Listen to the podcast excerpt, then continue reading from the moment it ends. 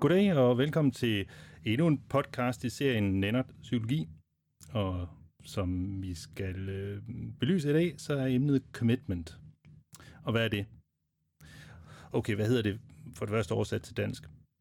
Forpligtelse. Engagement. Man er engageret i en sag, øh, i noget, altså for eksempel et arbejde, et forhold, måske en relation. Måske er man committed til en aftale. Man forpligter sig til en, en sag, og hvorfor kan viden om det her være nyttigt?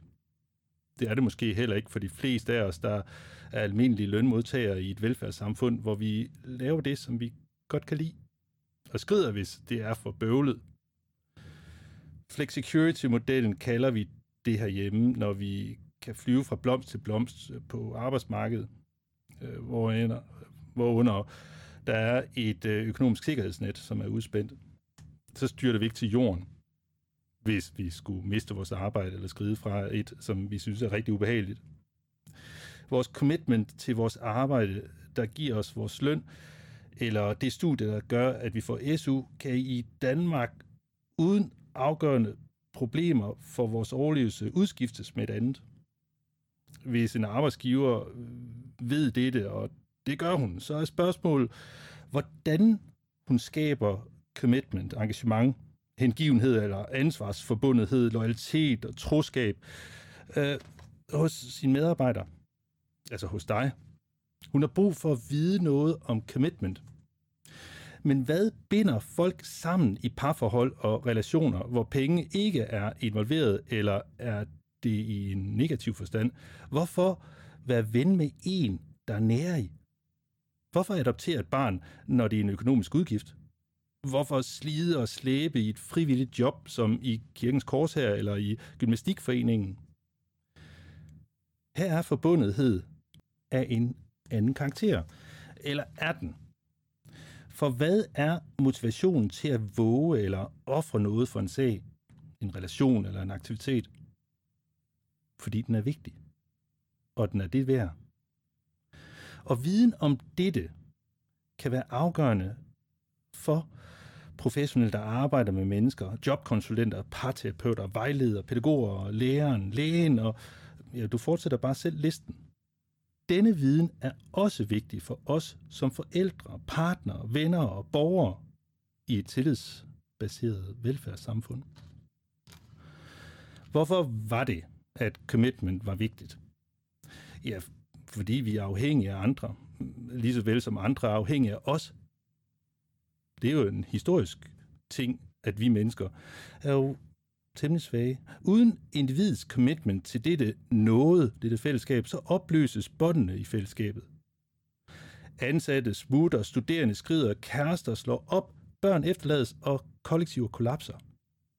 Et oplagt eksempel på betydning af høj commitment over for lav ses i krigen i Ukraine, hvor ukrainerne kæmper for det, der er vigtigt for dem, og de russiske soldater typisk ikke kan se formålet med at risikere liv og lemmer i et fremmed land.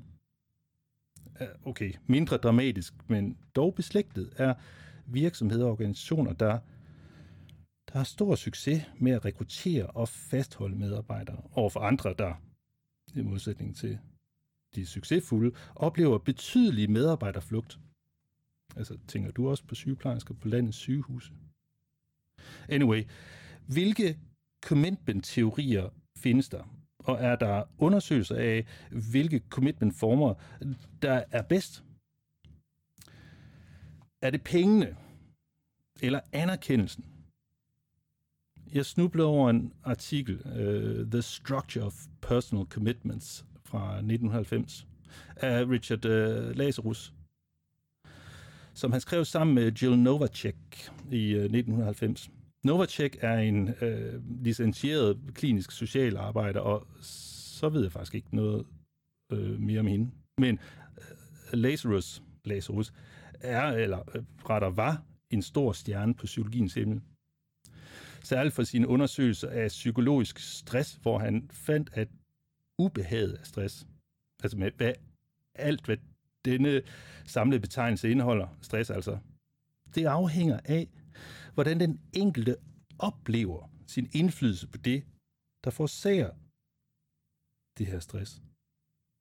Altså, hvorvidt man synes, at man er et chanceløst offer, en dukke for voldsomme begivenheder, eller om man i stedet for eksempel selv har opsøgt det, og man selv synes, at man kan mestre eller har styr på det, der foregår. Nogen ville gå helt i stykker i en vilkårlig folkeskoleklasse, eller i en akutmodtagelse på et hospital. Altså hvorimod andre vil have det som fisk i vand. De kan næsten ikke få det vildt nok. tænker at det kan gå vildt til i en folkeskoleklasse. Men Novacek, Novacek og uh, Lazarus, de havde nogle bud på, hvilke følelser og oplevelser, der indgår i commitment. Mayer og Allan øh, har en lidt anderledes commitment-teori, som jeg vil komme tilbage til om lidt. Men altså, Novacek og Lazarus, de undersøgte sidst i 80'erne den form for motivation, et menneske har for at engagere sig i noget. Altså virkelig skal forstås så bredt, altså som du overhovedet kan. Det koster noget den enkelte. Og her tænker jeg ikke kun i økonomi, men det at ofre sig selv, sin tid, sine tanker og følelser for noget. I deres studie indkoger de commitment til at være motiveret af seks psykologiske motiver. Og jeg skal nok oversætte. Men det, de siger, det er, at der er et komponent, der hedder affiliation, power achievement, personal growth, altruism, sensation seeking og stress avoidance. For det første, så har affiliation commitment at gøre med den tilknytning, man har til andre mennesker, som for eksempel øh, kærlighed, nærhed og intim relation. Power, øh, power eller achievement er i stedet det, at man oplever at opnå noget for at få indflydelse og betydning, popularitet og anerkendelse. For det tredje, så er personal growth commitment. Det er oplevelsen af at kunne udvikle sig som et menneske og forstå sig selv bedre. Det altruistiske motiv handler om at handle uselvisk, selvopoffrende og gøre noget godt for andre. Det femte, femte form for commitment, som Novacek og Lazarus har isoleret, øh, der kan være årsag til at ville ofre sig for en sag eller et projekt, er sensation seeking. Hvilket betyder øh, behovet for at prøve noget nyt, noget vildt, noget vanskeligt, anderledes, skægt eller endnu farligt.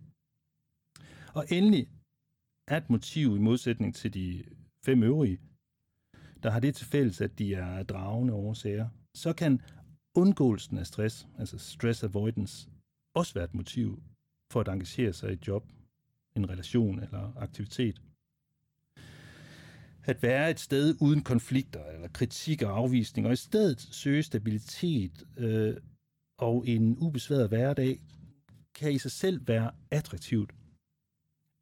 Denne viden om essentielle commitment-former danner så grundlag for at forstå, hvad mennesker er drevet af. At mennesker er drevet af forskellige ting og af varierede styrker. Og det giver en videre en idé om, hvordan man kan indrette eller finde et miljø, der matcher en persons unikke commitment-profil. Altså for eksempel ved at tilbyde personen med en altså udtalt interesse for personlig udvikling med, med kreative opgaver, snarere end øh, et job i, en, i et arkiv, som måske mere vil egne sig for en, der virkelig godt kan lide forudsigelighed og trygge rammer, og derved vil opleve en commitment til det. Lidt enklere forholder Natalie Allen og John Mayer sig til commitment-begrebet. De fremlagde næsten samtidig med Novacek og Lazarus en trekomponentmodel for commitment til at beskrive, hvad der får, et menneske, der får et menneske til at knytte sig til en organisation. Og nok en gang har vi at gøre med psykologiske tilstande,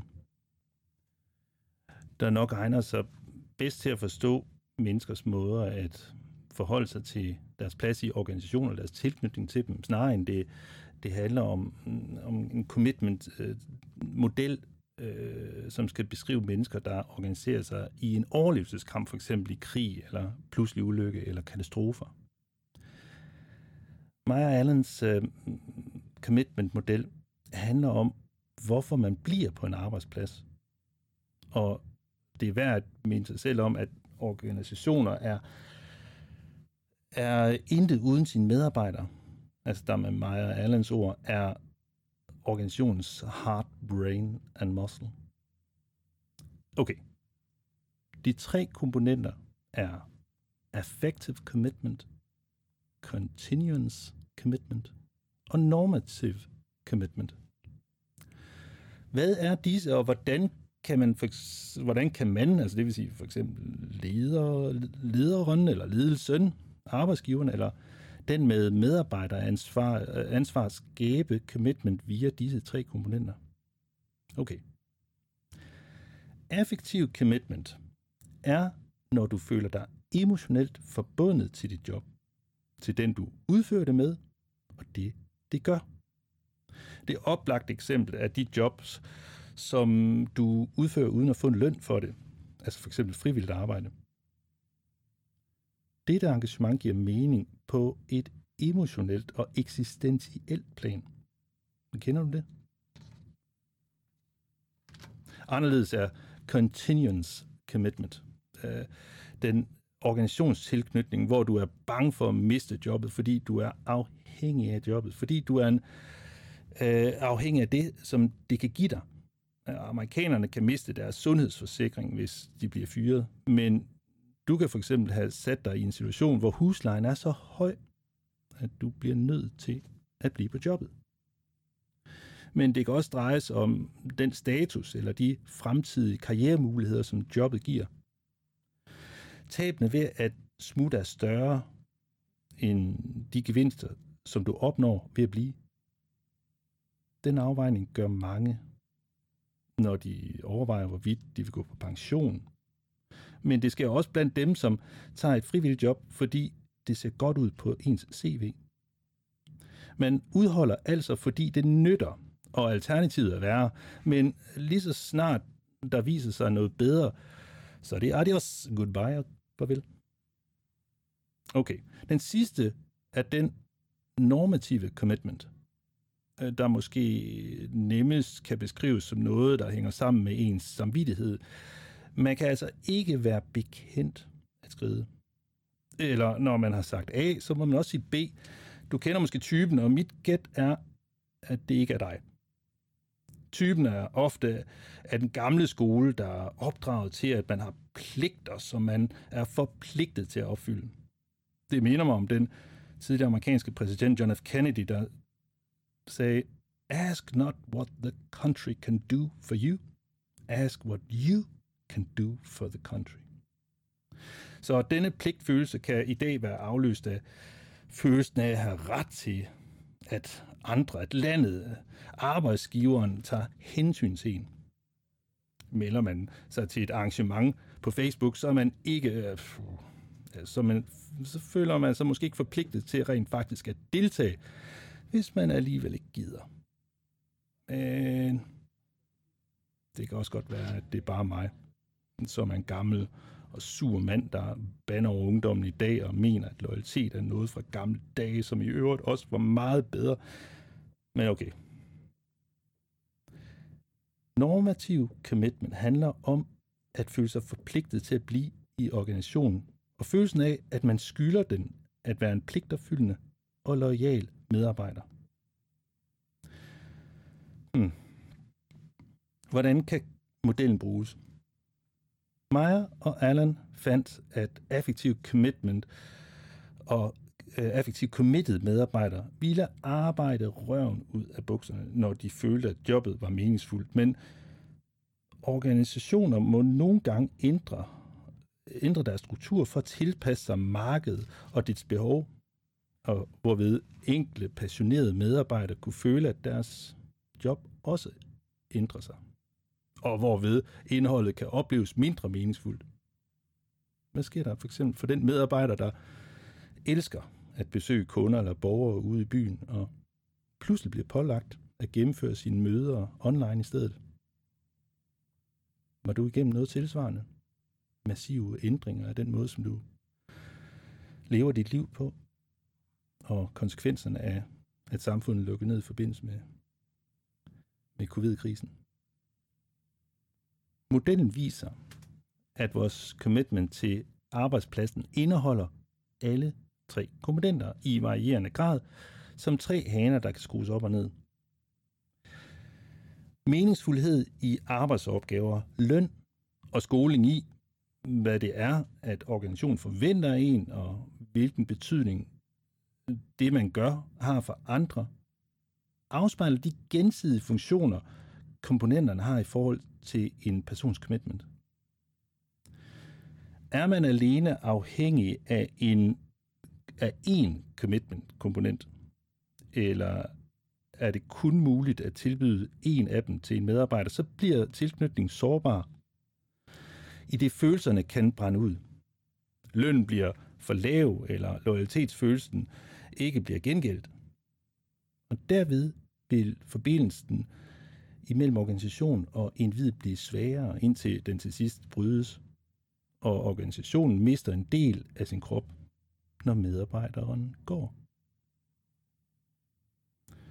Okay, det var lige et indblik i commitments teori.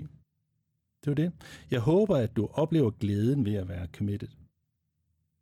Og forhåbentlig også glæden af at være sammen med committed mennesker. Og måske har du, måske oplever du, måske kommer du til at skulle være ansvarlig for at skabe commitment hos andre. Og det er altså også glædesfuldt. Rigtig god fornøjelse.